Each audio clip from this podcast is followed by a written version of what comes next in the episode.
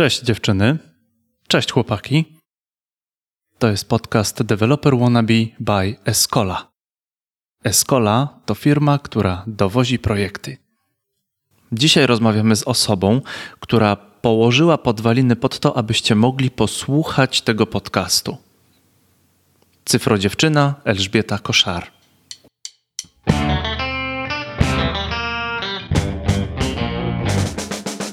Informatyczka urodzona w Polsce, wykształcona w Polsce, która wyemigrowała do Francji. Nie była grzeczną dziewczynką, wiedziała czego chce i jak tego dokonać. Już dobrze brzmi. Pierwszą pracę w dziale informatycznym znalazła poprzez ogłoszenie w gazecie. Pracowała w firmie tworzącej konserwy rybne. Mówimy tutaj o czasach, gdy komputery stały raczej w laboratoriach i fabrykach niż na biurku w każdym domu. Potem poprzez pracę dla korporacji finansowych znalazła się w środowisku ludzi tworzących protokoły sieciowe. Przewodziła zespołowi, który opracował, udoskonalił sposób e, przesyłania danych. Jej osiągnięcia w technologii przesyłania plików miały duży wpływ na to, że teraz właśnie możesz słuchać tego podcastu, obejrzeć naszą rozmowę na YouTube, czy włączyć to nagranie na komórce. Dla mnie życie pani Elżbiety to jest materiał na film. W historii jej życia znajdziesz i miłość, i pieniądze, zmaganie się z korporacjami, nieczyste zagrywki wielkich firm, fascynację technologią komputerową, przesyłem danych, telefonią komórkową, a przede wszystkim upartość. Pani Elżbieta jest dalej aktywna zawodowo. Tworzy i rozwija swój biznes. I szuka ucznia, któremu przekaże wiedzę. Jeśli chcesz się uczyć od najlepszych, w notatkach jest kontakt do pani Koszar.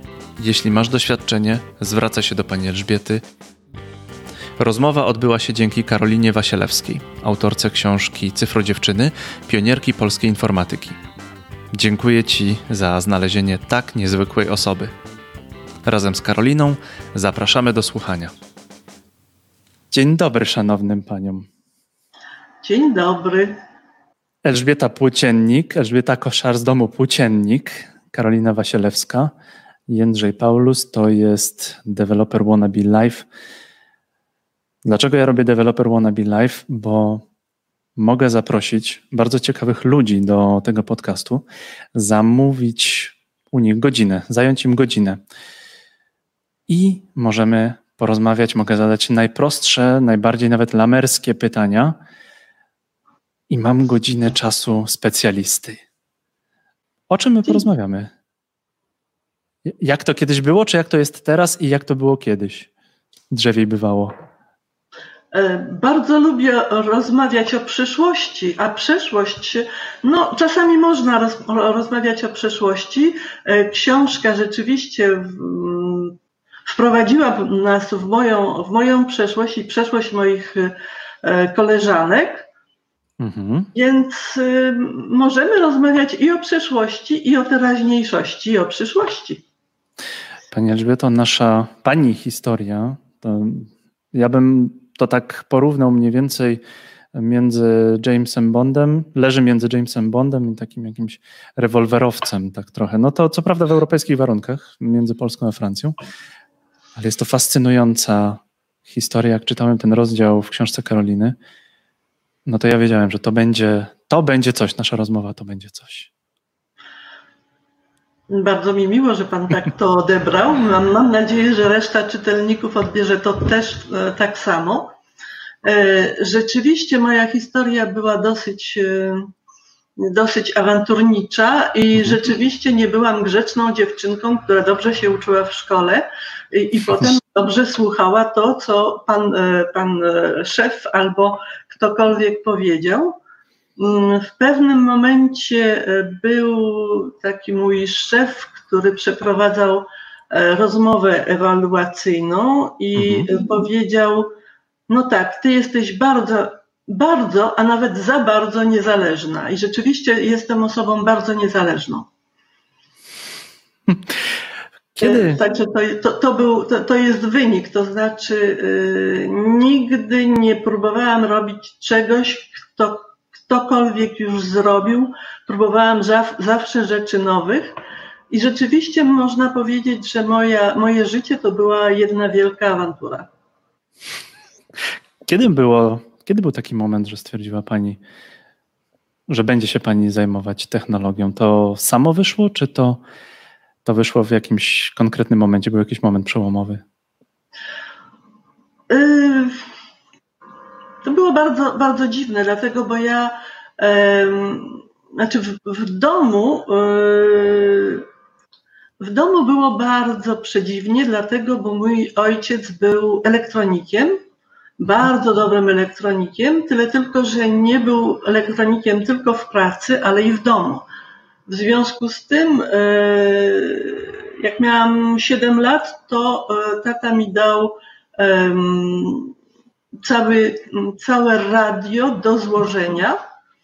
E, I to była, to była, to była nasz, moja zabawka, to znaczy z moimi braćmi byliśmy otoczeni przez wszelkie urządzenia techniczne. Jak nie chciałam jeść, to ojciec mi pokazywał e, histerezę magnetyczną na teleskopie, na, przepraszam, na oscyloskopie. E, więc w związku z tym technologia nie była dla mnie nigdy czymś e, bardzo przedziwnym. Także to, to jest historia mojego, mojego dzieciństwa i mojego, e, mojego otoczenia w, e, od, samego, od samego początku. Z tym, że ja wcale nie chciałam e, zajmować się ani elektroniką, ani technologią. Chciałam malować, chciałam, myślałam, że będę architektem i w rezultacie mój ojciec mi powiedział, że architektem na pewno nie będę, dlatego, bo boję się wysokości. W związku z tym nie będę mogła chodzić, chodzić po rusztowaniach.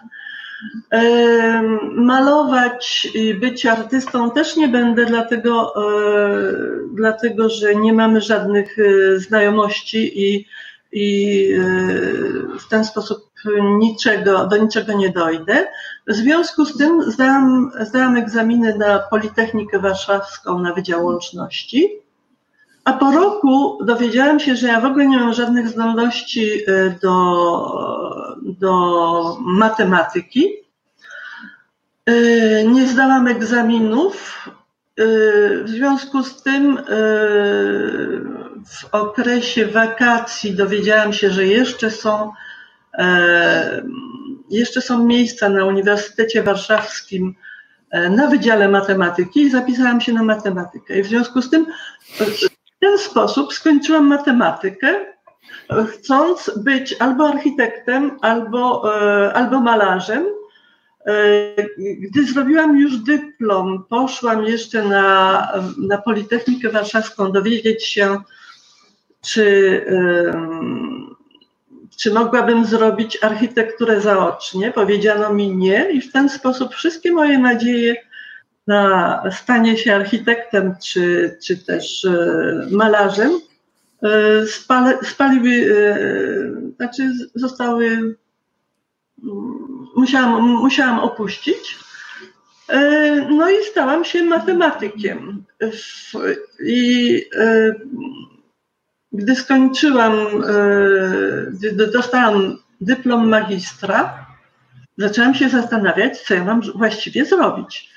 E, bo matematyków, e, oprócz tego, że są potrzebni jako nauczyciele w szkole, to właściwie nikt, e, nikt właściwie nie potrzebuje. No i dowiedziałam się, że ERA, w ERze są miejsca dla programistów i w ten sposób zaczęłam, zaczęłam pracować jako programista w ERze, nie mając żadnego znaczy, mieliśmy trochę kursów e, z informatyki. Ja skończyłam specjalizację, to była matematyka e, w mechanice, mhm. zaaplikowana w mechanice. Mm, I e, w rezultacie te moje, moje wszystkie doświadczenia z matematyki, cała, całe studia z matematyki, a mogłam, mogłam używać, to znaczy korzyści z tego, że zrobiłam, że skończyłam matematykę, były tylko związane z tym, że miałam, e, umiałam logicznie myśleć, ale w tym okresie jeszcze, ja skończyłam studia w 1971 roku. Były już studia dla informatyków, to, były studia dla które, które dawały przygotowania do, do, do, do informatyki, ale mm, nie mój wydział. I w ten sposób znalazłam się na, w erze, e, gdzie zajęłam się programowaniem e, biznesowym. Nie wiem dzisiaj, jak to się mówi w, w Polsce. Tego, tego rodzaju. Przemysłowym. Właśnie. No w tamtych czasach komputery stały głównie w zakładach przemysłowych i większość pisanych wówczas programów służyło do zarządzania produkcją właśnie. E, więc nic dziwnego, że, że, że akurat e, ta specjalizacja. E, to wtedy pracowała Pani w Kobolu, prawda? Um, tak, był, był, były, znaczy ja pracowałam na maszynach typu ICL, E, ICL miał swój własny język, który się nazywał Plan. E, A, I był, tak. był i COBOL, i mieliśmy również coś, znaczy to profesor Greniewski, który był naszym konsultantem, e, przywiózł nam, znaczy udostępnił nam produkt, który się nazywał e, tablice decyzyjne, to było coś nad Kobolem, e, ale to było, to było rzeczywiście, e, można powiedzieć, tylko, tylko programowanie programów administracyjnych, zarządzania E, zarządzania magazynem, zarządzania e, pracownikami itd. Itd. E, to był ten czas, kiedy informatyka w Polsce, to, to, zresztą znalazło się w mojej książce i to jest bardzo często cytowane, że to był taki babiniec, było bardzo dużo kobiet. Tak. W, w mojej, w mojej grupie chyba byliśmy, byliśmy chyba, było nas osiem kobiet i dwóch mężczyzn. To była grupa programistów E, również byli operatorzy maszyn, e, czyli operatorki maszyn i któregoś dnia e, zjawił się zjawił się jakiś mężczyzna, powiedział, że jest operatorem i rzeczywiście tak jak E, moje, moje pierwsze odczucie to było e, wielkie zdziwienie, co, e, co mężczyzna może robić przy maszynach. To, to było coś, coś niesamowitego. Proszę no opowiedzieć jeszcze, jeszcze mm, kilka słów o znanym opozycjoniście, który, z którym pani współpracowała. To był pani kolega z pracy, podwładny? Jak to było z panem Lityńskim? Pan Lityński był moim kolegą. Mhm. E, to był, znaczy w, w, tym okresie w ogóle nie miałam żadnego pojęcia, że, że on e, prowadzi jakąkolwiek działalność e, polityczną obok, obok swojej pracy. To był ktoś bardzo, bardzo inteligentny i bardzo dobrze wywiązywał się ze swojej pracy, ale był, był, miał, miał brudkę, e, kręcił e, swoje e, wąsy, jak był zakłopotany. To, to pamiętam, ale poza tym niewiele pamiętam z jego, z, jego, z jego pracy, z jego osiągnięć. Jedyna rzecz to było po prostu dwóch mężczyzn, w Wielkim Babińcu. Bardzo miłe, bardzo miłe osoby, bardzo dobrze mi się e, pracowało, e, ale rzeczywiście nie było, e, mężczyzn prawie się nie widziało. Nasz szef był pan, pan Kowalski, to ja pamiętam. Moja koleżanka, pierwsza osoba, która mnie przyjęła w momencie, kiedy zaczęłam pracować, to była Wanda, która jest moją, moją przyjaciółką do tej pory. A, ale po prostu mężczyzn prawie się nie widziało. Ja chciałbym się spytać, jak to wyglądało tak naprawdę programowanie w tych momentach, w, tym, w tych, tych latach 70., no powiedzmy w drugiej połowie lat 70. E, miała Pani taką, taką, taką chyba cezurę w tym 78 roku. Jak to wyglądało? Jak to się robiło? Może Pani opowiedzieć o tym? Jak tak. to wyglądało? Nie mhm. miało to nic wspólnego z klawiaturą i z ekranem. E, mieliśmy e, kartki A4 przeformatowane, na których pisało się drukowanymi literkami program. E, każdą linię, po prostu pisało się program na, na formularzach, które dawało się do działu, gdzie były panie, które E, przenosiły ten program na karty perforowane. E, można sobie wyobrazić, że taka jedna, taki program e, mógł zawierać na przykład 1500 kart perforowanych i te karty dawało się później do czytnika, który wczytywał informacje do komputera. Puszczało się później kompilator Kobolu czy planu i w ten sposób dostawało się program, który najczęściej był e, na taśmie, to znaczy był dziurkowany na taśmie perforowanej. To było mhm. jeszcze w czasach, kiedy e, rzadko używało się taśm magnetycznych. Robiło się kopie taśm perforowanych. W jaki sposób? E, nie pamiętam. Wiem, że trzeba było robić kopię, żeby być. Znaczy, prawdopodobnie wczytywał się program do, do pamięci i później w, w, drukowało się jego kopie, znaczy dziurkowało się jego kopie, kopie na, na, na taśmie perforowanej. Koronkowa robota. Porankowa robota. E, w pewnym momencie, ponieważ e, jeżeli napisałam, znaczy po, po napisaniu programu e, i wydrukować, znaczy trzeba było czekać na przykład kilka dni, żeby ten program, program był wydziurkowany na kartach. W związku z tym były takie malutkie urządzenia, gdzie mogli, mo, można było ręcznie e, dziurkować karty. I w pewnym momencie doszłam do, e, do wniosku, że zamiast czekać, że moje, e, żeby moje,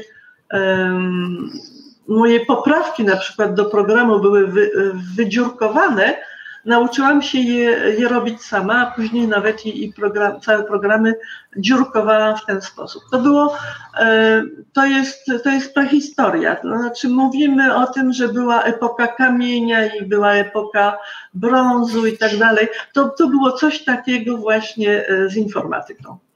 Z dzisiejszego punktu widzenia tak można to odebrać. Także to są tylko anegdotki, ale w rezultacie był procesor, e, trzeba było wprowadzić dane do pamięci i procesor działał na tych danych tak jak dzisiaj się działa. Także e, może, może z zewnątrz wygląda to bardzo dziwnie i rzeczywiście e, cała, cały, cały ten proces był bardzo, bardzo czasochłonny, E, ale, e, ale w rzeczywistości e, zasady działania i zasady, zasady działania komputera są ciągle te same. Mamy, mamy pamięć, mamy rejestry, mamy, mamy procesor i, i następnie jest cała zabawa między danymi i, i pamięcią i tak dalej. Kiedy czytałem rozdział o pani o pani w książce Karoliny, to ja miałem takie wrażenie, że pani to wszystko, co teraz się dzieje dokładnie na tym naszym podcaście, że pani to wszystko zbudowała, bo to czy, czy ja mam dobre wrażenie, że, że cały, niemal cała pani kariera jest związana z przesyłem plików. Z tym, co się, z tym, co się dzieje, no chyba nawet teraz, w tym momencie. Łączymy się online.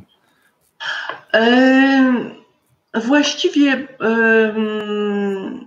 moje zainteresowanie przesyłaniem plików E, zaczęło się w 1984 roku e, i to było już we Francji.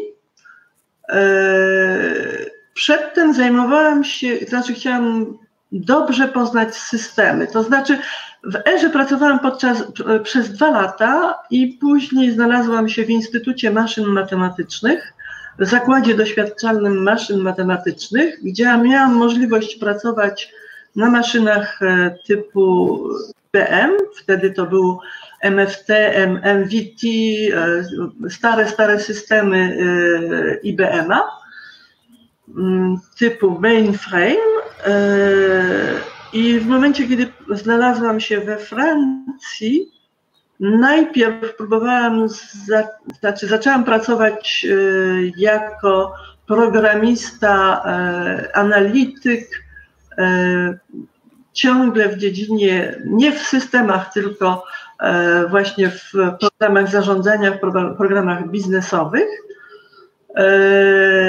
E, I w 1984 roku zaczęłam pracować w firmie, która mnie zatrudniła, żeby właściwie zacząć, zacząć development development, programowanie, programowanie e, właśnie produktów do przesyłania plików. Jeszcze w mhm. okresie, kiedy nie było e, czegoś, co nazwałabym e, sieci przesyłania zbiorów wspólnych dla wszystkich komputerów. To znaczy w tym okresie, w, tysiąc, w latach 80., E, każdy e, producent e, maszyn matematycznych proponował swój, swoją sieć telekomunikacji i właściwie przesłać dane z jednego komputera jednego, jednego producenta do drugiego komputera innego producenta należało, należało dane przenieść na, na nośnik, na, wtedy to już na taśmę magnetyczną i e, zawieść tą taśmę magnetyczną do drugiego, e, znaczy przeczytać tą taśmę magnetyczną na, na drugim komputerze. I to były lata 80. 80 znalazłam się w grupie e, ludzi, wśród których, znaczy to byli wszystko konsultanci, eksperci systemów, e, którzy e, bardzo, bardzo często pracowali w grupach finansowych. Mhm. I, wielkim problemem w tym okresie było była kompensacja między bankami. To znaczy przesyłanie informacji z jednego banku do drugiego dotyczących e, właśnie mm, mm, wyrównania, e, czy nie wiem, jak to, mówi, jak to się mówi po polsku. Kompensacja międzybankowa. Wyrównania salda to chodziło o przesyły tak, tak, tak pieniędzy? Tak, tak, o to chodzi, o to Aha, chodzi. Czyli to, co ja dzisiaj na komórce zrobiłem, jak poproszono mnie, żebym tutaj opłacił. Tak, i zajęło ci to 20 sekund. No zajęło mi to tak 20 sekund, tak. Więc wchodzimy, wchodzimy, tak, tak, tak, wchodzimy, wchodzimy w, w dziedzinę, która, e, która jest bardzo istotna e, do, do tej pory, Mhm. I w tym okresie po prostu przy, w jednym banku, znaczy w jednym banku dostaw, dostaw, klienci dawali czeki e, do realizacji i ta realizacja tych, tych czeków polegała na wymianie informacji między bankami, które, które mm, drukowały te czeki, czyli były, posiadały informacje, posiadały pieniądze, które były równowartością tych, tych, tych czeków. Znaczy, próbuję wytłumaczyć to, dlatego mhm. brakuje mi słów. E, wiem, że to istnieje na pewno po polsku, tylko nie, nie jestem pewna. W związku z tym, e, żeby zrobić tą kompensację, żeby, e, żeby jeden bank z drugim bankiem mógł wymienić informacje, ten ktoś płaci, ten ktoś jego, jego jego sol, sol, sol, bankowy e, ma się zmienić, to te informacje nie były przekazywane przez sieć telekomunikacyjną, bo to nie istniało. Przesyłało się to na taśmach magnetycznych. I e, w związku z tym te informacje były przesyłane jako zbiory e, i zapisane na taśmach magnetycznych, czyli to była tak zwana, w tym okresie nazywaliśmy to techniką rowerową. Ktoś musiał e, przewieźć taśmę, przewieźć taśmę do drugiego banku, żeby, żeby przeczytać te informacje i znaczy wziąć pod uwagę zmiany, zmiany w, w soldach bankowych. To mi się przypomniała taka, taka scena chyba z filmu Cinema Paradiso, gdzie między dwoma kinami trzeba było przewieźć kawałek taśmy i tak naprawdę film chyba został podzielony na dwa i jeden z chłopaków jechał do kina numer jeden, drugi jechał z kina numer dwa, żeby, żeby odpowiednio po prostu dostarczyć odpowiedni, odpowiedni fragment, fragment Dokładnie filmu. to samo. To jest no właśnie, to. Biorąc pod uwagę bezpieczeństwo przesyłu danych, na które dzisiaj stawiamy, zwłaszcza w obrocie y, międzybankowym, to w ogóle trudno to sobie wyobrazić, jak bardzo szczelny był ten, ten przesył rowerowy, o którym tutaj rozmawiamy. No więc, więc to jest właśnie, właśnie to. E, ja byłam, e, ja byłam specjalistką, specjalistką e, od systemów, to znaczy ponieważ wszystkie banki pracowały na mainframe'ach IBM-a, więc y, by napisać taki, taki program, który jest zdolny przesyłania, do przesyłania zbiorów, wszyscy, y, szukali rozwiązań na, y, na systemy mainframe. Ja byłam specjalistą od systemu mainframe i jeden z, i, i kolega, który znał, wiedział, jak wygląda sieć telekomunikacyjna IBM-a, co to są, e, na czym polega przesyłanie zbiorów. To znaczy specjalista od sieci telekomunikacyjnej widzianej od strony e, komputera. To był mój, mój kolega Iw i razem z nim zaczęliśmy pisać produkt, który pozwalał przesyłać zbiory naszym klientem, klientem, który E, był zainteresowany tego rodzaju rozwiązaniem, to było Credit Agricole i napisaliśmy pierwszy program, który się nazywał TED. E, z tym, że nie było wtedy jeszcze żadnego protokołu e, na poziomie prezentacji, który mógłby to mógłby być użyty do, do tego rodzaju rzeczy, więc razem z Iwem e, wymyśliliśmy e, protokół i zaczęliśmy, zaczęliśmy pisać produkt, tyle tylko, że w roku 1985, tak mi się wydaje, nie jestem pewna, e, pojawił się, pojawiła się sieć Transpaka. To była ta narodowa sieć, E, protokołu e, X25. Nie wiem, czy w Polsce w ogóle, e, czy ktokolwiek jeszcze w Polsce pamięta mm, sieć X25.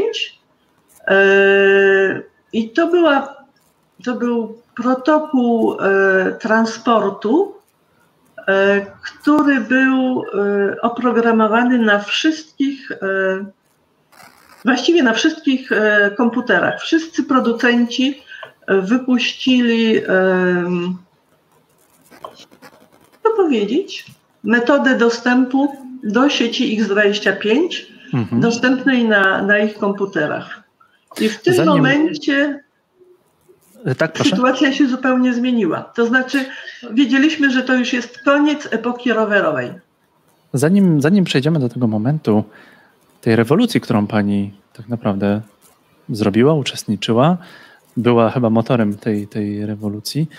Pominęliśmy ten moment, który bardzo mi się podobał w książce Karoliny, jak pani dostała się do Francji, te, te pierwsze pani spotkania z Francją i z francuskim. To, to wcale nie było tak, że się pani zebrała, złożyła podanie o paszport i tyle, i hajda. Proszę tak. Nie, nie, nie. W moim, w moim życiu było bardzo, no, bardzo mało takich momentów e, standardowych. Mhm. E, pracowa- znaczy, jak pracowałam w Instytucie Maszyn Matematycznych w latach 70., e,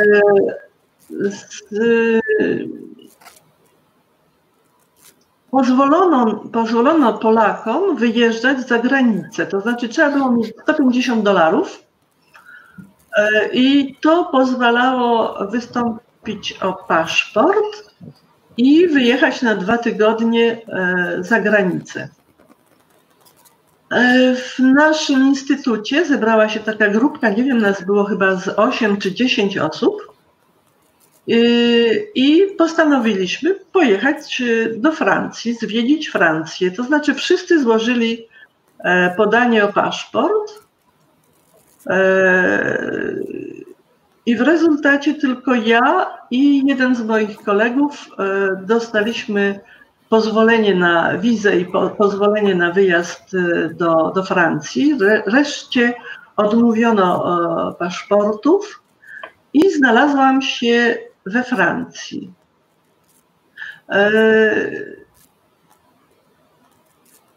To znaczy, znalazłam się we Francji dosyć, w sposób dosyć Mm, konwencjonalny, to znaczy moja ciocia e, z moim wujkiem jechali do Włoch, na Sycylię e, i e, moja mama, mimo że byłam już dorosłą osobą, bardzo się bała, nie chciała, żebym jechała do Francji sama czy z kolegami, więc wysłała mnie z ciocią. I w Rimini mm, pożegnałam się z ciocią, wsiadłam do pociągu i wylądowałam w Nicei z moim plecakiem, ze 150 dolarami w kieszeni i e, postanowiłam zamieszkać w Auberge de Jeunesse. No ale e, najpierw zostawiłam e, bagaż w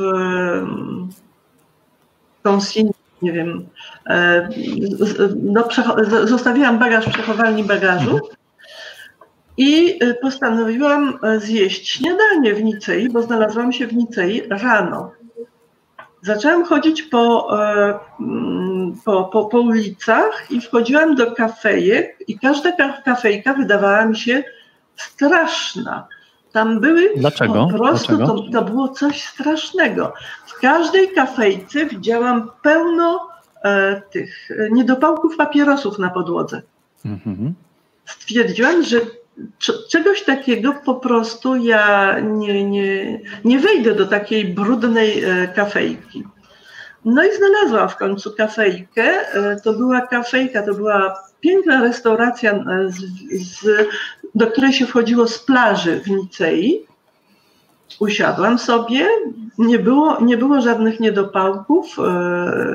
Usiadłam i poprosiłam o kanapkę z szynką i, i, i z sałatką. I myślałam, że będzie taniej, to poprosiłam o, um, poprosiłam o herbatę. Mhm. E, niestety herbata była droższa, e, kawa była tańsza i w rezultacie jak mi e, ten kelner przyniósł rachunek, to zbra, zbra, zbladłam, ponieważ cena tego mojego śniadania była równa jednemu tygodniowi mojej, e, mojej pensji. to było coś, co mnie bardzo przeraziło. I, i potem miałam jeszcze bardzo przykre doświadczenie, idąc do, do tej Auberge de Jeunesse. W rezultacie zeszłam ze, ze wzgórz Nicei, do, doszłam do dworca, zabrałam mój plecak i wróciłam do Paryża, myśląc, że ja muszę wrócić do, do, do, do, do Warszawy, dlatego, bo e, Francja mi się bardzo nie podobała. E, dojechałam do Paryża, tam spotkałam e, znajomych mojego ojca i przez dwa tygodnie jakoś przeczekałam w tej, we Francji, aż do momentu, zwiedzając Paryż i już się troszeczkę uspokoiłam, e, aż do momentu, gdzie dowiedziałam się, że, e, że mogę pracować w winnicach w Burgundii. I e, w Burgundii spotkałam mojego, mojego przyszłego męża, pana Koszacha. I w ten sposób, aha, i pan Koszar Właściwie pan Koszar miał bardzo przykre momenty w swoim życiu w tym momencie i e, postanowił, że, e, że on wyjedzie ze mną do Polski. To było dosyć niecodzienne, tak. bo raczej, raczej e, podróże były w drugą stronę i nierzadko tak naprawdę tylko w jedną. Tak, ja właściwie nie chciałam wyjeżdżać za granicę i fakt, że jest jakiś Francuz, który zdecydował się y, opuścić Francję i przyjechać, zainstalować się w Polsce, bo rzeczywiście przyjechał e, półtora miesiąca później, był ze swoim samochodem i z całym dobytkiem w Warszawie. Stwierdziłam, że to jest coś, coś, coś co się rzadko zdarza. No i w rzeczywistości nie zrobiłam znowu nie zrobiłam tak jak inni. E, to było coś zupełnie odmiennego. E, pobraliśmy się, bardzo szybko zresztą się pobraliśmy, dlatego, bo w tym okresie, by ktoś mógł, by, by cudzoziemiec mógł zostać w Polsce, musiał płacić 50 franków e, dziennie. E, więc e, pan Koszar nie był, nie był, nie był krezusem. W związku z tym należało szybko uregulować sprawę i jedyna, jedyna regulacja rozsądna to było pobranie się. Pobraliśmy się chyba trzy miesiące po, po jego przyjeździe. Niestety Polska panu Koszardowi się nie podobała. Ona tak, wszystko w porządku, ale temperatura w 78 roku to było coś strasznego. Mieliśmy minus 25 stopni e, w Sylwestrach. E, mm, żywność, pożywienie. E, my bardzo lubimy naszą kuchnię, ale Francuzi wcale tak, tak naszą kuchnię dają. E, język był bardzo trudny, próbował się uczyć też, to nie wychodziło. I w rezultacie po sześciu miesiącach pobytu w Polsce e, by uratować małżeństwo, trzeba było, musiałam po prostu e, wrócić do, po, znaczy pojechać, wyjechać do, do Francji wyjeżdżając powiedziałam dobrze, ale nigdy w Paryżu, dlatego, bo Paryż do tej pory używam, u, uważam, że jest zbyt. E, znaczy, jesteśmy w Paryżu an, anonimowi. Mhm. To jest. E, ja, ja wychowałam się 30 kilometrów od Warszawy spokój. E, znajomych, e, ba, mamy sporo znajomych, ale wszyscy się znają. I, e, I Paryż wydawał mi się po prostu piękny, wspaniały, ale czuć się u siebie w domu w Paryżu wydawało mi się, że to jest niemożliwe. No i w związku z tym znaleźliśmy się w, w Nantes, nie w Paryżu, tylko w Nantes.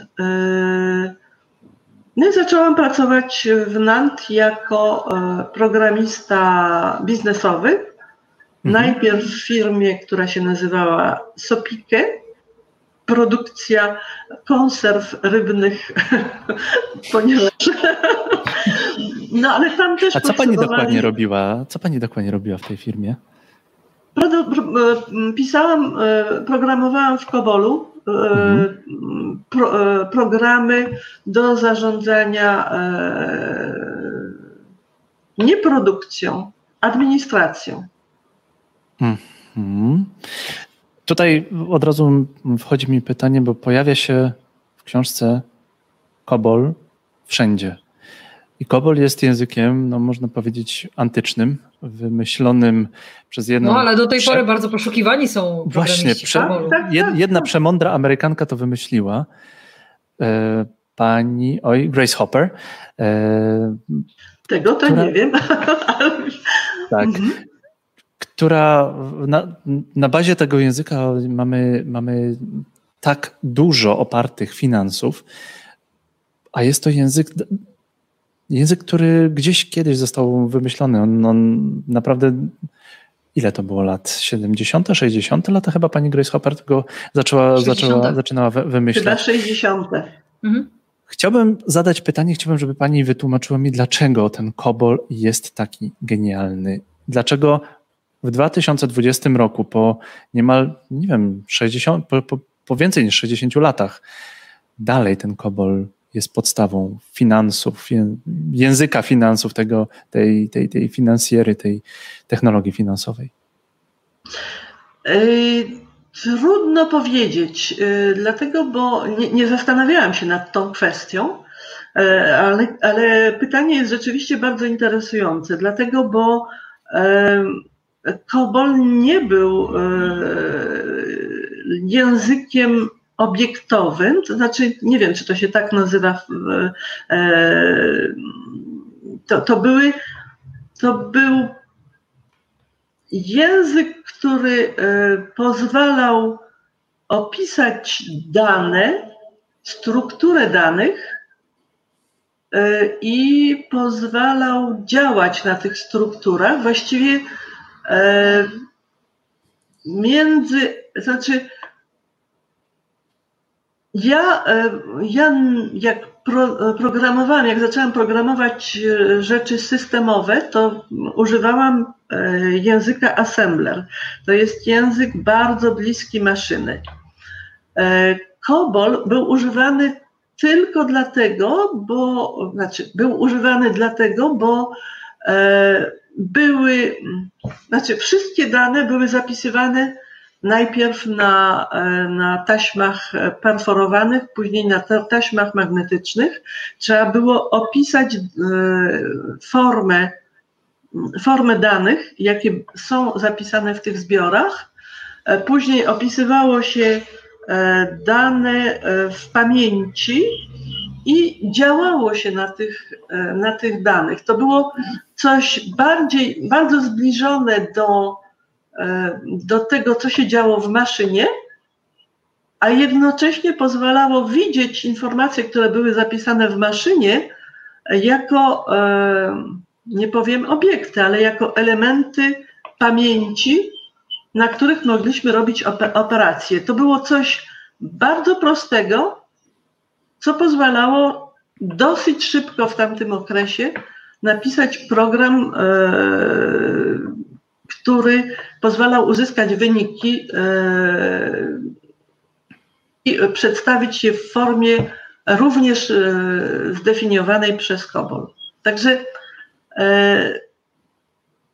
to było coś, co pozwalało ludziom biznesu, to znaczy użytkownikom, przekazać, znaczy odzwierciedlić informacje w maszynie czy na nośnikach i następnie e, przetwarzać je. E, I, I to było, to znaczy dla mnie w tym okresie to było proste, ale jednocześnie było pełne zagadek, dlatego, bo wracając do mojej historii w,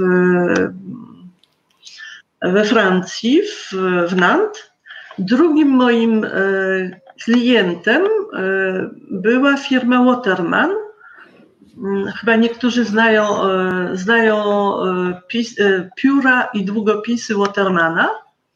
Więc pracowałam tam i dano mi do rozwiązania, to znaczy do napisania jakiś program, na który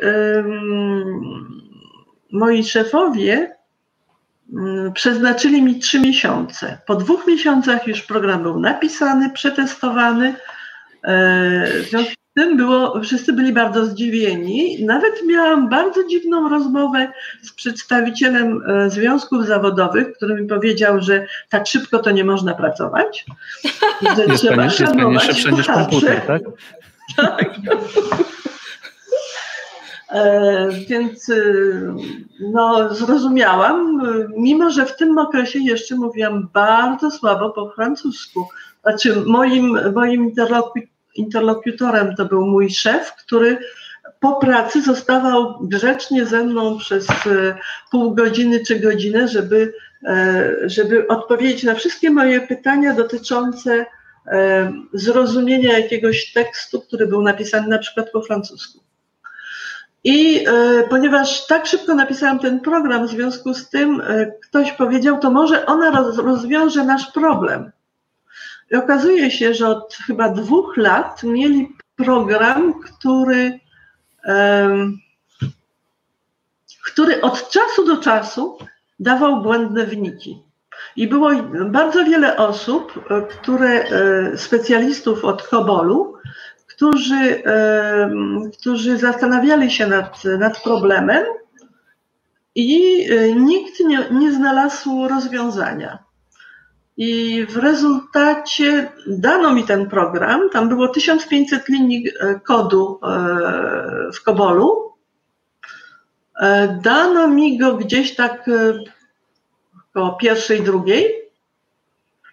Usiadłam i zaczęłam linijka po linijce czytać, czytać program i w pewnym momencie pomyślałam sobie, to musi być tutaj. I i rzeczywiście to było tutaj. Zrozumiałam dlaczego. I to, to było dosyć dla mnie oczywiste, ale dlatego, że ja rozumiałam, co się dzieje w systemie e, w momencie, kiedy wykonuje się pewną instrukcję Kobolu. E, I wytłumaczyłam im e, problem, który czekał na rozwiązanie przez dwa lata, został rozwiązany w ciągu pół godziny. E, I, I w związku z tym e, facet, który mi to dał to zadanie, powiedział Elila Bet, to znaczy e, Elżbieta Bestia, i w związku z tym rozdział w pani książce nazywa się Elżbieta Bestia. Po prostu nie, nie zda, znaczy Kobol jest rzeczywiście bardzo dobrym językiem, ale rzeczywiście trzeba wiedzieć, co się dzieje w maszynie, żeby nie zrobić e, tego rodzaju błędów. I nie wszyscy o tym wiedzą. E, nie będę tego tłumaczyć, dlatego, bo e, stwierdziłam, że często tłumaczę rzeczy, które, które są po prostu niezbyt interesujące. W związku z tym po prostu nie, wytłumaczę. Wytłumaczyć? Króciutko. Czekamy, Czekamy ale nie, bardzo wiem, proszę, bardzo nie proszę wiem, czy nie wystarczy nam samo, samo wyjaśnienie, e, jak dostała pani ksywkę Elżbieta Bestia, która jest po prostu jak do mnie wymarzoną ksywką programistyczną. Nie znam programisty ani programistki, którzy nie chcieliby być tak nazywani. No, bestia, bestia e, po francusku, znaczy jeżeli mówi się, że ktoś jest bestia, to znaczy, że ktoś jest rzeczywiście bardzo dobry. To nie jest to, że to jest e, mm, ktoś... Stra straszna postać. Tak, tak. Także e, to, to, to, to jest taka anegdota z samych początków. Wracając jeszcze do mojej historii zainteresowania plikami, przesyłaniem zbiorów. Właściwie mm, zaczęłam pracować w tej dziedzinie w momencie, na samym początku istnienia wspólnych wspólnych sieci telekomunikacyjnych. Najpierw był ich 25, potem, e, potem była, e, były jeszcze inne, inne protokoły. W pewnym momencie zjawił, zjawiło się TCP/IP e, i w pewnym, znaczy w 1985 chyba roku pojawił się protokół PESIT, który był mm,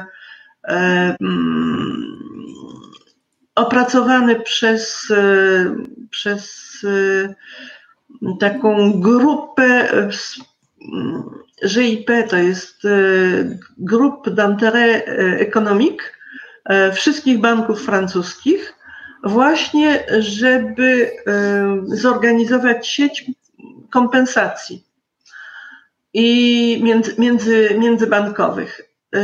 I protokół PESIT był opracowany przez ludzi, którzy e, pracowali, którzy, którzy pracowali na przeróżnych maszynach, nie tylko na, znaczy nie było tak, znaczy tych, którzy pracowali na, w mainframe e, i mieli duże doświadczenie, jeśli chodzi o produkcję. Także ten protokół wydaje mi się, to znaczy ja jestem pewna, e, że jest bardzo dobry i był, y, jest używany do tej pory, był używany najpierw tylko do, do kompensacji międzybankowej, ale w pewnym momencie stał się mm, właściwie standardem dla wszystkich, którzy komunikowali się z bankami, czyli właściwie wszystkie firmy mm, wymieniały zbiory z bankami używając tego protokołu, a później e, wymiany między, e, między e, różnymi firmami, nawet nie, nie finansowymi, również opierały się na, na, na tym protokole. No i pani I, też tu dołożyła swoją cegiełkę, prawda? Pani pracowała przy tworzeniu tego protokołu. Byłam zaproszona do, do, do, do takich grup roboczych, I na przykład moje opracowanie e, tego protokołu dla transportu na TCP/IP zostało, e, zostało przyjęte. Czyli wersja E protokołu PESIT jest, znaczy to, to moje, moje opracowanie zostało przyjęte i, i, i w tym protokole jest używane. E, Czyli możemy się chwalić, że gdyby nie Polka, to by Francuzi teraz nie przesyłali sobie danych, nie, tylko dalej jeździli nie, rowerami. Rower, nie, ma, nie ma ludzi niezastąpionych, nie, tego nie można powiedzieć. Po prostu brałam udział i byłam bardzo zadowolona. Jednocześnie zaproponowałam również rozwiązanie dla, dla e, transportu APPN, to jest e, coś, co było wymyślone przez IBM, to jest, e, to jest protokół IBM-a i, i moje rozwiązanie na APPN było odrzucone. Także nie należy, nie należy się, znaczy i czasami są i, i porażki, nie, nie, nie uznałam tego za porażkę, ani nie, nie uważam, że to było zwycięstwo, że, że moje, moje opracowanie zostało przyjęte. Po prostu e, to jest, e, to jest po prostu tak się zdarzyło. E, w rezultacie właściwie cała moja działalność, poczynając od 85-6 roku, była e, właściwie poświęcona przesyłaniu zbiorów. E, e, w momencie, kiedy protokół PESIT został opracowany, zaczęłam pracować z tym moim kolegą, a później z innymi w, w innej firmie nad produktem, który się nazywa w tej chwili Connect Express i jest sprzedawany przez IBM tym okresie było to, była to e, znaczy produkt, który napisaliśmy, był kupiony najpierw przez Sterling Commerce, a potem przez IBM.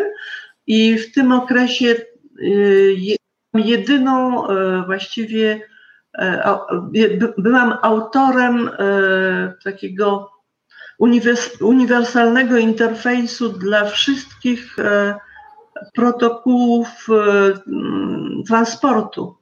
Dzisiaj mówi się, e, dzisiaj jest TCP/IP i właściwie nic więcej nie istnieje. E, w pewnym okresie było bardzo dużo e, sieci telekomunikacyjnych. Mm, I właściwie dopiero w 1998 roku mm, opuściłam firmę, w której, w której pracowałam od 14 lat. E, tylko dlatego, że okazało się, że moje pomysły i ten cały mój wkład nie, nie znaczą zbyt wiele, dlatego, bo e, firma została e, sprzedana firmie amerykańskiej, którą uważałam za naszego konkurenta i chciałam, chciałam w produkcie wprowadzić FTP i wprowadziłam e, FTP tylko dlatego, żeby, żeby mogli, żebyśmy mogli e, konkurować e, z firmą Starlink Commerce. No i okazało się, że że mój szef, nic nie mówiąc, e, obiecując nam, że będziemy mieli udział w, w firmie, e, e, negocjował ze Starlink Commerce, żeby nasz, naszą firmę sprzedać. Sprzedał i dla mnie to był taki szok, że, że po prostu podałam się do dymisji to się tak, nie wiem, czy to się tak mówi. Po prostu złożyłam wymówienie i e, po natychmiast założyłam moją firmę w kraju Basków, w takiej miejscowości, która się nazywa Bidar.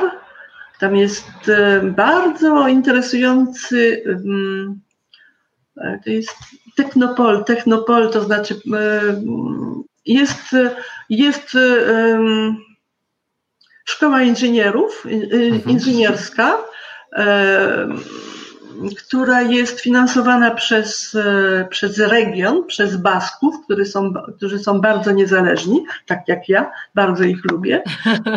Wokół tej szkoły um, zbudowali e, taką szkółkę mm, nowych firm, technologicznych. Między in, i, i, I właśnie w ten sposób wyciągnęłam moją córkę z, z liceum w klasie maturalnej i znalazłam się w kraju Basków, tworząc moją firmę i um, dyskutując z IBM-em e, nad możliwością budowy jakiegoś produktu e, w związku z tym, że IBM wycofywał z, ze sprzedaży i z maintenance ich, e, ich e, kontrola, kontrolery, kontrolerów wycofywał sprzeda ze sprzedaży kontrolery e, komunikacji. Mhm. Pani to mamy pytanie od słuchaczki, przepraszam, że Pani wejdę w słowo, ale ono dotyczy trochę wcześniejszego etapu, bo teraz już rozmawiamy o tym, jak e, Pani zaczęła budować swój biznes e, i za chwilę do tego wrócimy, ale mamy pytanie właśnie, jak wyglądało poszukiwanie pracy w charakterze programistki we Francji w latach 80. To jest chyba dość ciekawe, bo podejrzewam, że teraz to wygląda zupełnie inaczej, więc może byśmy do tego... Tak, w tej, w tej chwili zupełnie inaczej. W, w tym okresie E, po prostu złożyłam podanie, nie, z, z, napisałam e, ogłoszenie w, takiej, e, w, takiej, w takim tygodniku, który, chyba tygodnik, który się nazywał 01 Informatyk i dostałam 21 propozycji natychmiast. Proszę, czy, proszę. Czy, czy to już była Pani fama, że Pani te wszystkie błędy znajduje w ciągu kilku godzin? To ta nie, pani fama zadziałała? Najpierw poszłam, to znaczy jak byłam w Nantes, to poszłam do takiej firmy, która się nazywa Anterim. Znaczy firmy typu Anterim, to znaczy praca tymczasowa. E, mhm. Oni po prostu, to, to, po prostu to są ludzie, których się wynajmuje na okres przejściowy dla jakiejś firmy. I w ten sposób pracowałam w Nantes. A w momencie, kiedy e, zdecydowałam się na, na wyjazd do, do Francji, do Paryża, ponieważ w Nantes e, e, znaleźć, znaczy znaleźć pracę stałą było bardzo trudno, więc postanowiłam spróbować tego w Paryżu. I właśnie przed wyjazdem z Nantes napisałam, napisałam ogłoszenie i pod, miałam po prostu 21 propozycji i właśnie między tymi 21, 20 propozycjami była ta, którą przyjęłam, która mi pozwoliła potem pracować e, do tej pory w tej dziedzinie. Co chciałam powiedzieć jeszcze, co jest interesujące, bo, bo, bo mówimy o... Chyba, chyba nas o, oboje zatkało, jak to usłyszeliśmy. o przyszłości, a teraz... E, Ogłoszenie w gazecie. o, chęt, o tym, co się wyobraź Sobie, wyobraź sobie, Jędrzej, że tak dostajesz pracę jako programista. Tak? Ja bym bardzo chętnie, chętnie tak. No, ogłoszenie w gazecie no, umiem, umiem w ale ja w tym momencie byłam, e, byłam, jak to się mówi, byłam już mężatką, panią mhm. Koszart z prawem pracy we Francji. Także mm, to nie było nic tak dziwnego, a poza tym miałam doświadczenie na, e, zdobyte na maszynach IBM-a, na main, mainframe i to było coś bardzo, bardzo interesującego w tym okresie we Francji. W tej chwili um, ja sama poszukuję e, ludzi do pracy, dlatego, bo znaczy chciałabym, chciałabym znaleźć jedną lub dwie osoby, y, żeby przekazać moją wiedzę i moje doświadczenie komuś, y, kto mógłby kontynuować y, moje produkty, bo w tej chwili firma produkuje już produkty, które są, są dystrybuowane przez, przez firmę amerykańską, mam nadzieję, że przez inne. E, I to wcale nie jest takie, takie proste znaleźć e, programistów i przypuszczam, że nawet dzisiaj, jeżeli znajdzie się ktoś, kto, kto będzie chciał pracować we Francji jako programista, to nie powinno być specjalnych kłopotów. Tak mi się wydaje. E, także, a dlaczego szukam kogoś w tej chwili? Dlatego, bo w przyszłym roku, to jest rok 71, E, będę obchodziła 50. rocznicę mojej kariery informatycznej. Także, także stwierdziłam, że może to już starczy e, i, i w tej chwili e, moja firma, to jest bardzo malutka, robi podzespoły, można powiedzieć, konektory do E, produktów e, typu MFT, to, to się nazywa MFT, Managed, Managed File Transfer. E, I moje konektory pozwalają tym produktom komunikować się z innymi aplikacjami PSIT, EBIX. EBIX to jest następca PSIT-u E, jeśli chodzi o kompensację między, międzybankową i nie tylko. E, no i nie chciałabym rozpoczynać drugiego pięćdziesięciolecia, żeby do, do, do, doczekać się stulecia mojej pracy zawodowej. I chciałabym, żeby, żeby po prostu jest jakaś firma, która się interesuje i prawdopodobnie moja firma zostanie przejęta przez tą firmę. E, także e, moje produkty e, mam nadzieję, że będą jeszcze, jeszcze miały długą przyszłość przed sobą. No i potrzebuję, potrzebuję osoby, które mogłyby, mogłyby ze mną współpracować. Pani Elżbieto, opowiadała Pani o początkach. Opowiadała Pani o tym, jak Pani trafiła do Francji. To jest. To jest rodeo w dużej części, tak z mojej, z mojej perspektywy. Pani również jest takim, no można by powiedzieć, rewolwerowcem w biznesie, ponieważ wiele Pani mm, inicjatyw, które Pani podejmowała, bardzo często były, mm, kończyły się na tym, że biła się Pani z gigantami z tymi gigantami, tak. którymi moglibyśmy, które. Proszę opowiedzieć o tych momentach, kiedy, kiedy przechytrzała Pani gigantów świata IT. Nie udało mi się rzeczywiście przechytrzyć ich, przechytrzyć tych, tych gigantów. To jest, y, nie ma, znaczy ja byłam uznawana jako osoba, która, e, która jest specjalistą w tej dziedzinie. Na przykład e, firma amerykańska, z którą współpracuję, to jest Help System, e, szukała w ciągu, po, po, podczas dwóch lat szukała e, kogoś, kto znałby ten protokół PESIT, który by im pozwolił wejść na rynek francuski, nie tylko zresztą, ponieważ bez tego protokołu właściwie żaden, żaden produkt nie może być, nie może być zaakceptowany przynajmniej przez stare firmy. Nowe firmy mogą sobie pozwolić jeszcze, znaczy mogą sobie pozwolić na używanie tylko FTP i tak dalej, SFTP, tego rodzaju protokoły, ale e, jakakolwiek, e, jakakolwiek firma, która ma e, swoją patrimoine, swoje, swoje, swoje zasoby informatyczne napisane w Kobolu w latach 60., bo takie jeszcze istnieją, a nie tylko w assemblerze również. Więc te firmy używają PESIT-u i one nie mogą, nie, znaczy koszt wymiany tego produktu, który, który zapewnia przesyłanie zbioru, to jest y, coś tak, y, tak dużego, że oni sobie nie mogą pozwolić na zmianę protokołu. W związku z tym ta firma szukała przez dwa lata kogoś, kto, kto na całym świecie, kogoś, kto mógłby y, y, im pomóc. I, i wskazano im mnie, dinozaura, jako osobę, która, która może to zrobić. W, w tym momencie powiedziałam, że ja już mam e,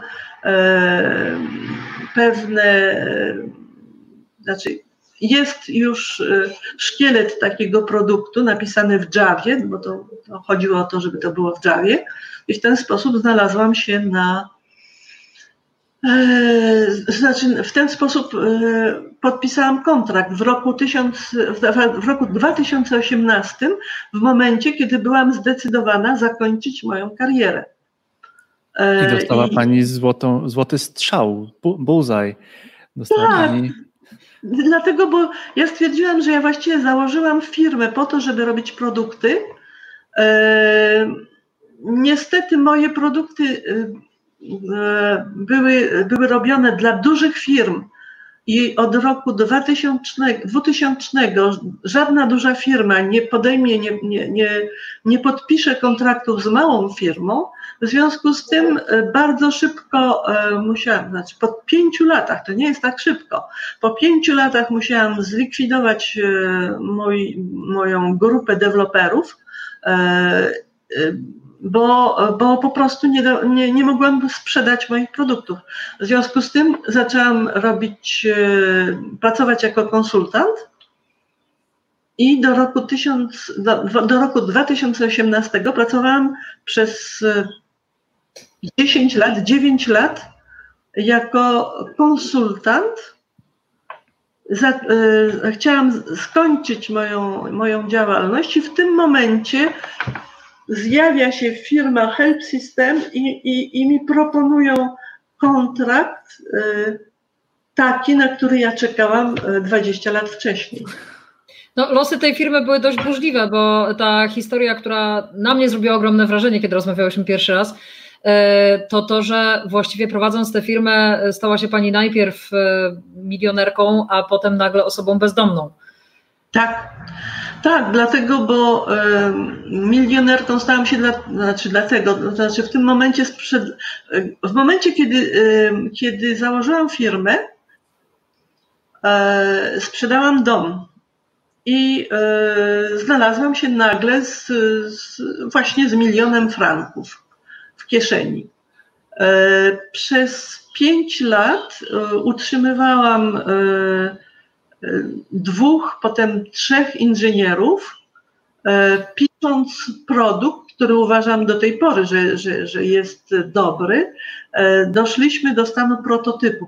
Produkt był pisany w C pod A100 to jest kobra, to jest jeszcze coś, coś co było e, przed, przed Javą. E, doszliśmy do, do, do etapu prototypu e, i w 2005 roku zostałam bez grosza, bez domu, stałam się bezdomna. Miałam biuro, E, znaczy wynajmowałam biuro, miałam maszyny, ale nie miałam gdzie spać. Mm, także e, w tym momencie, znaczy e, mm, moje jak biuro pani, było w takiej, jak, jak, takiej... Jak pani wyszła z tej nieciekawej sytuacji? W którą stronę powiał wiatr?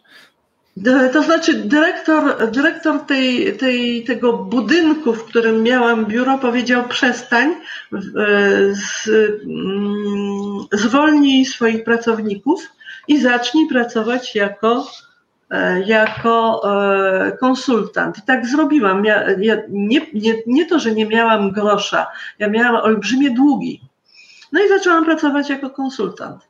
To znaczy, e, Dzięki temu to jest właśnie Elżbietka, która zamiast powiedzieć Matko Boska, jaka katastrofa, dzięki temu poznałam zagadnienia mm, przesyłania zbiorów jako zagadnienia produkcji.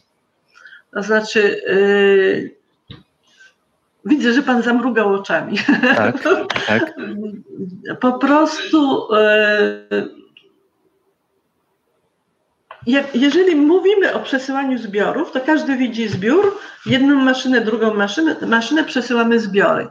Przesyłamy ten zbiór na drugą maszynę. E, powiem panu, że ostatnio e, z, mm, dowiedziałam się, że istnieją, e, istnieją na przykład testy e, pozwalające, z, znaczy testy, które żeby klient mógł odpowiedzieć na, na żądania, na oczekiwania klienta, to e, produkt przesyłania zbiorów musi e, po, przez 24 godziny przesłać milion zbiorów. Milion zbiorów między e, jedną maszyną i wieloma innymi. Także jeżeli pan weźmie pod uwagę produkcję, produkcję znaczy duży bank, który ma mhm.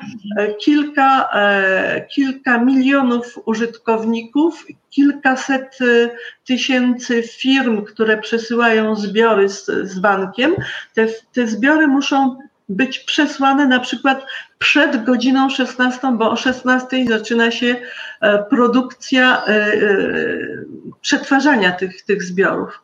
W związku z tym e, e, ten produkt, który ma zapewnić przesyłanie tych zbiorów, musi pozwolić e, przesłać te zbiory, znaczy zidentyfikować partnerów, E, przesłać zbiory, zidentyfikować transfer, a jeżeli, je, jeżeli się jeszcze zdarzy, że podczas tego przesyłania zbiorów jest jakiś problem, e, któryś z partnerów mm, e, ma po prostu ma kłopoty dostępu do sieci, czy jakiekolwiek problemy dostępu do, do, do, do zbioru, do samego zbioru, to trzeba odnaleźć tego partnera. Znaczy, to, to jest jeden zbiór, drugi zbiór, dziesięć zbiorów to jest nic, ale jak pan ma, ja, ja pracowałam e, w BNP Paribas, e, mieliśmy e, szczyty na, na jednej z maszyn, trzeba było przesyłać 200 tysięcy zbiorów dziennie. Dzisiaj dowiaduję się, że są, że są oczekiwania przesyłania miliona zbiorów przez 24 godziny. I to jest jedna maszyna, która musi, e, musi mhm. zapewnić przesyłanie zbiorów. E, czyli dla mnie to nie jest tylko kwestia jednego zbioru i drugiego zbioru. To jest przetwarzanie masy informacji z, z olbrzymią ilością partnerów e, i tego nie da się opisać e, i nie da się tego zrozumieć, jeżeli nie, nie wejdzie się w, w tego rodzaju problematykę. E, za każdym, znaczy w BNP, znaczy moje, moje doświadczenia z produkcji nauczyły mnie e, bardzo wiele na temat, e, na temat jak, czego można oczekiwać i trze, czego trzeba oczekiwać od tego rodzaju produktów. We Francji mamy takie, tego rodzaju produkty i byłam bardzo surowa wobec, wobec edytora tego, tego produktu. Wszystkie moje uwagi były bardzo skrzętnie notowane e, i byłam bardzo szczęśliwa, jak widziałam, że, że, że, że edytor e, po prostu akceptuje i, i przyjmuje moje, moje uwagi. Pani Elżbieto, to ja trochę a propos tego, bo e, nasunęło mi się takie pytanie teraz, kiedy Pani o tym mówi. Na ile w Pani karierze pomocne było to, że ma Pani jednak nosa, że tak to nazwę, e, do tego, co jest taką technologią przyszłości? Bo w książce też rozmawiałyśmy o tym, pojawia się historia o tym, jak e, opowiadała Pani jednemu ze swoich szefów, że te, technologia e, telefonii komórkowej, z którą zapoznała się Pani w czasie wakacji w Kanadzie, to jest przyszłość i, i warto w to zainwestować, a on stwierdził, nie, to są gadżety, to przeminie, no i teraz jak widać nie przeminęło, więc że, że będę delikatna. E, więc e, jakby mogła Pani opowiedzieć tę historię o tych komórkach e, bliżej i też właśnie powiedzieć o tym nosie do tego, co w technologiach zapiszczy w przyszłości. Więc rzeczywiście byłam bardzo ciekawa i chciałam zawsze, znaczy bardzo, bardzo śledziłam rozwój technologii cały czas, to mnie bardzo interesowało. I e, pojechałam na wakacje do Toronto, do mojego brata i poprosiłam, zadzwoniłam do um, Rimgate, Blackberry, mhm. e, do, do e, dyrekcji Blackberry, mówiąc, że jestem E, że, że przyjechałam z Francji, że pracuję w firmie informatycznej i że chciałabym coś dowiedzieć się więcej o, o ich technologii, żeby ewentualnie wy, używać, no, czy użyć jej, czy, czy e, znaleźć zastosowanie do, do ich. Jakie to były lata? Kiedy to było? Chyba to były lata 90., początek 90., może 8, gdzieś tych, w, tym, w tym okresie. To były naprawdę początki. Mhm. Co pani w BlackBerry odpowiedzieli? E, więc e, muszę wam powiedzieć, że e, to nie tylko w BlackBerry, dlatego, bo również podjęłam kontakt z firmą kanadyjską Icon i wiem, że we wszystkich firmach amerykańskich nie ma żadnego kłopotu, żeby, żeby, y, żeby uzyskać kontakt. Zostałam przyjęta z ulicy przez y, dyrektora technicznego, dyrektora marketingu i jeszcze tam kogoś. E, opowiedzieli mi bardzo, bardzo interesujące rzeczy, dali mi e, dokumentację, dali mi kontakt z jakąś firmą E, francuską, która e, już nad, ten, nad tym e, pracowała. Dali mi, była, by, były w tym okresie już takie czasopisma Eriksona, który pisał, który pisał w tym okresie na temat aplikacji, znaczy aplikacji tej, tej technologii komórkowej. No i wróciłam do, e, do Francji. E, powiedziałam mojemu e, szefowi, że istnieje taka, tego rodzaju technologia, że mam wszystkie informacje ten, na ten temat, że jest, to jest coś bardzo interesującego, że jeżeli bym miała kogoś, z kim mogłabym pracować, to bym chciała zorganizować współpracę z nimi i tak dalej. A w tym momencie mój szef prawdopodobnie może nawet się zwrócił do swojego szefa, ale stwierdzili, że to nie jest nic interesującego w tym okresie i, i cała, cała zabawa się skończyła, bo sama e, na własną łapę to ja tego bym nie, nie mogła zrobić. I, I w związku z tym może również e, patrząc na decyzje e, osób, które nie znają technologii, dlatego, bo decyzje od 2000 roku od, od tak zwanego e, mm, błędu dwa, e, roku 2000 e, właściwie decyzje są, nie są już powierzane technik, technolog, e, znaczy o, o, odpowiedzialnym za technologię. E, o, e, decyzje są podejmowane raczej od, przez ludzi odpowiedzialnych za marketing i za, za, za finanse. Mhm. E, w związku z tym moja decyzja przy e, utworzenia mojej firmy to było właśnie, to był bunt, e, ponieważ stwierdziłam, że ja mogę mieć najwspanialsze pomysły, najwspanialsze idee, ale i tak jestem traktowana jako przedłużenie klawiatury. Moje powiedzenie. Ja jestem przedłużenie klawiatury. Pani Elżbieto, zadałem pytanie na różnych grupach na Facebooku. Mówiłem, pisałem o tym, że Karolina ma kontakt z panią, która w dużej części wymyśliła internet. I poprosiłem osoby, Nie. poprosiłem osoby, tym, tym niemniej z osobą, która ma przeogromne doświadczenie w branży IT. Poprosiłem takich developer wannabe, ci, którzy uczą się programowania, ci, którzy zaczynają dopiero swoją, swoją um, przygodę z IT, poprosiłem o pytania. Niemal każdy zadawał to samo pytanie. Spytaj się pani Elżbiety, jak sobie, co robić, co robić, żeby się, żeby się dobrze nauczyć programowania. Jak to wygląda z perspektywy osoby, która ma 50 lat doświadczenia w IT. Co musiałby robić taki, co, co, co, co powinna taka osoba robić? Nie wiem, czy ja mogłabym y, dać y, radę, y, dać rady osobom, które zaczynają programować dzisiaj. Dlatego, bo zagadnienie jest bardzo bardzo rozległe i programowanie w moim, e, w moim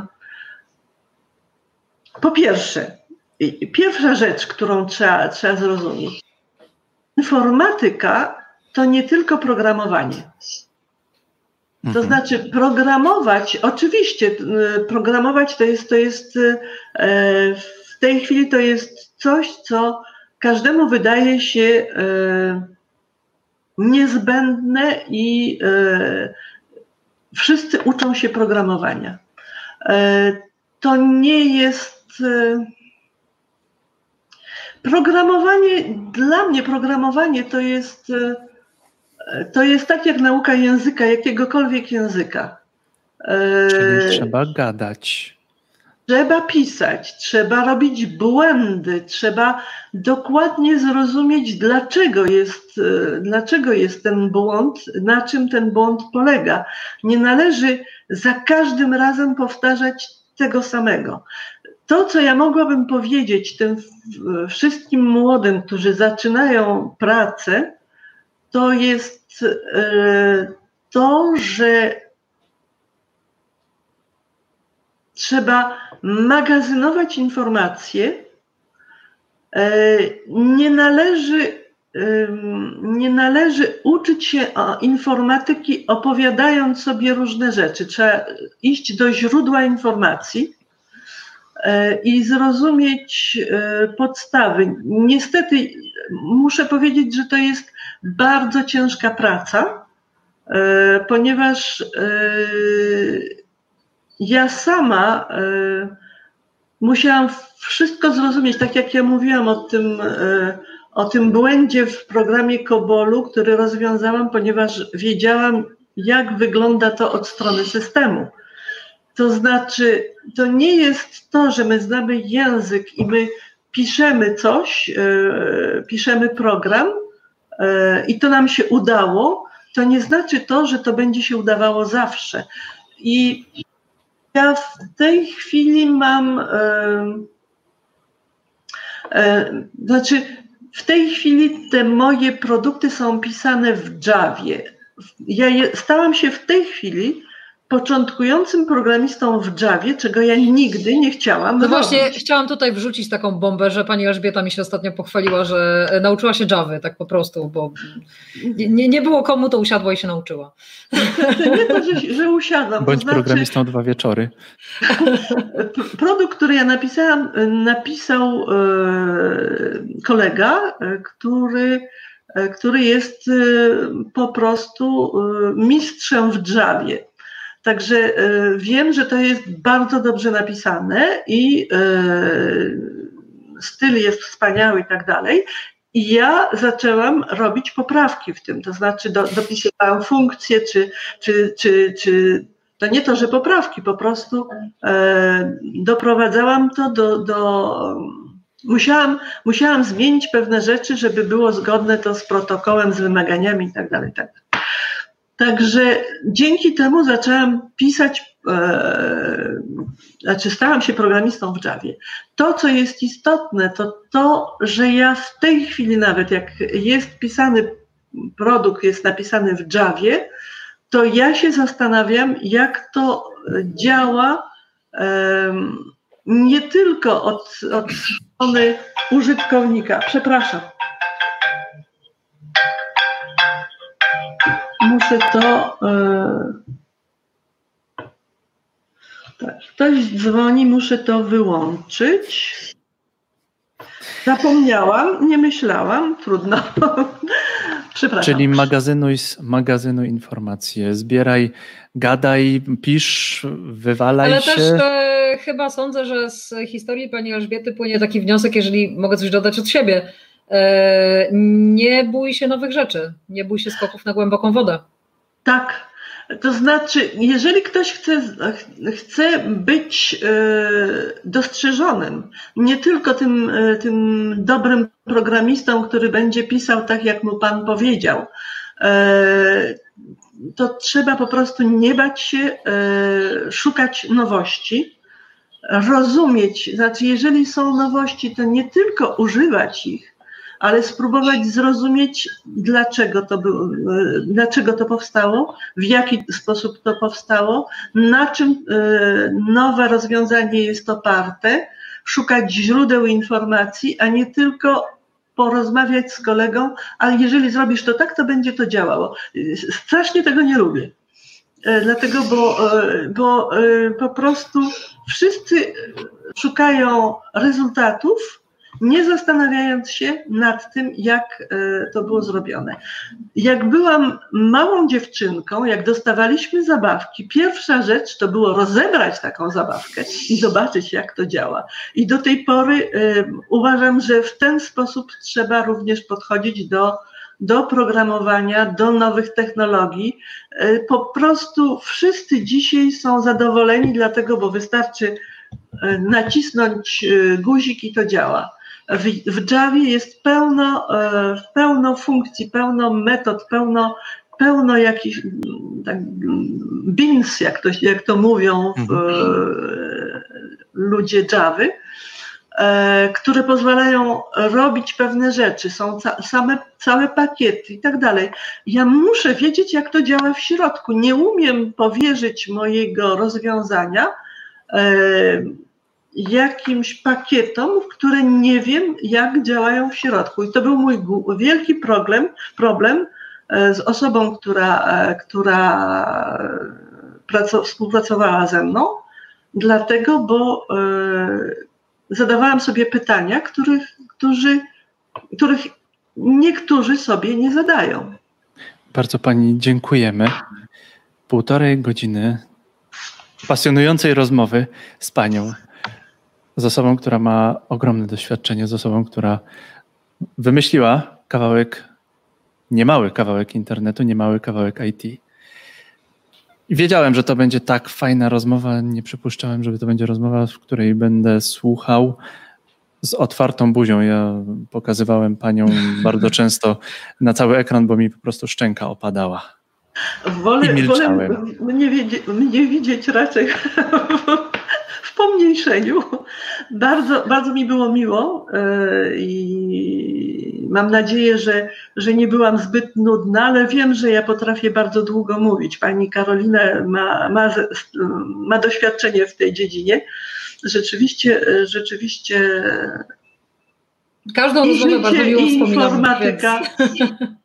I życie i informatyka były bardzo, bardzo, bardzo długie i bardzo, bardzo interesujące. To znaczy, ja mogłabym rzeczywiście bardzo długo mówić o informatyce, o i, e, internetu nie wymyśliłam. Uważam, że internet nie jest najlepszą e, TCP/IP internet nie jest najlepszym protokołem, ale, ale e, to, to, co chciałam, to, co chciałam powiedzieć jeszcze, zaraz skończę, to to, że informatyka i technologia to jest jedna rzecz, a e, marketing i decyzje, e, decyzje mm, przyjęcia jakiegoś, jakiegoś rozwiązania to jest rzecz zupełnie inna i nie zawsze najlepsze rozwiązania są, są e, wygrywają. To, to większe, większe znaczenie ma właśnie ta strona marketingowa niż techniczna. Bardzo Pani dziękujemy. To był Developer Wannabe Podcast. Rozmawialiśmy z Panią Elżbietą Płóciennik, z Panią Elżbietą Koszar. Razem z Karoliną Wasielewską, ja się nazywam Jędrzej Paulus. Bardzo Wam dziękujemy za to, że spędziliście z nami ten czas. Do usłyszenia i do zobaczenia. Do zobaczenia. Dziękuję. Nie, do widzenia. Do widzenia.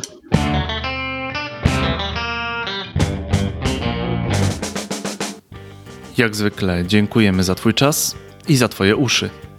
Jeśli podobał Ci się ten podcast, podaj go dalej. Udostępnij na Facebooku, Twitterze, LinkedInie, opowiedz o nim swoim znajomym. Jeśli ktoś z Was szuka wielkiego nauczyciela, osoby, która przekaże mu wiedzę, w notatkach jest adres do pani Elżbiety. Pisz, szukaj.